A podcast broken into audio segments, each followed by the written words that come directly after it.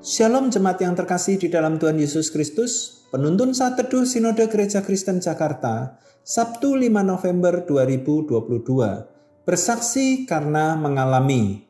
Lukas pasal 8 ayat yang ke-39. Pulanglah ke rumahmu dan ceritakanlah segala sesuatu yang telah diperbuat Allah atasmu. Orang itu pun pergi mengelilingi seluruh kota dan memberitahukan segala apa yang telah diperbuat Yesus atas dirinya.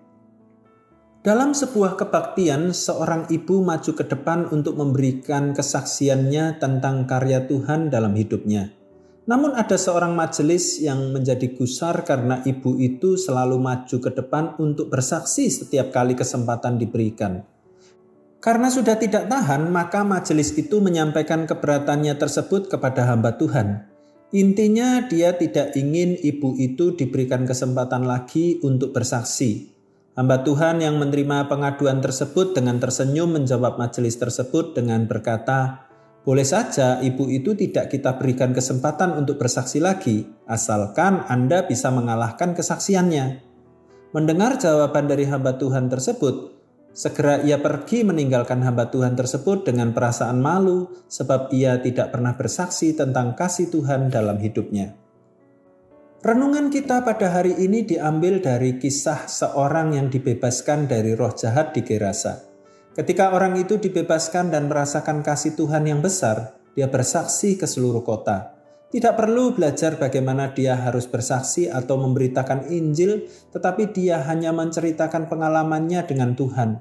Dia menceritakan apa yang telah dia alami sendiri, bagaimana ia yang sebelumnya berjumpa dengan Yesus hidupnya dibelenggu oleh setan-setan, tetapi sesudah berjumpa dengan Yesus, hidupnya diubahkan. Tadinya ia menyatakan keinginannya untuk mengikuti Yesus ke mana saja Yesus pergi, tetapi Yesus menyuruhnya pulang dan menceritakan segala sesuatu yang telah diperbuat Allah atasnya. Dan orang ini pun taat. Bahkan lebih lagi ia bersaksi bukan hanya kepada orang-orang yang di rumahnya, tetapi ia pergi mengelilingi seluruh kota. Bagaimana dengan kita? Bukankah kita telah banyak mengalami kasih dan pertolongan Tuhan? Sudahkah kita bersaksi kepada orang-orang yang belum pernah mengenal Tuhan Yesus? Jangan-jangan kita merasa bahwa hidup yang kita jalani adalah karena kita mampu untuk menjalani dan tidak pernah memandangnya dari kasih kebaikan Tuhan dalam hidup kita.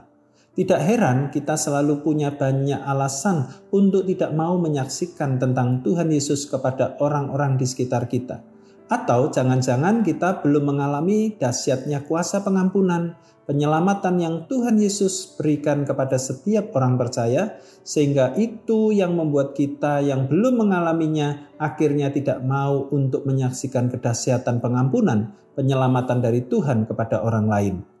Jika kita belum mengalami dahsyatnya perbuatan Tuhan, tidak heran kita pun tidak mau untuk menyaksikannya. Bagi kita yang sudah mengalami dahsyatnya perbuatan Tuhan, teruslah bersaksi, Tuhan Yesus pasti menyertai kita. Bersaksilah tentang Tuhan Yesus karena Anda telah mengalaminya. Selamat beraktivitas, Tuhan Yesus memberkati.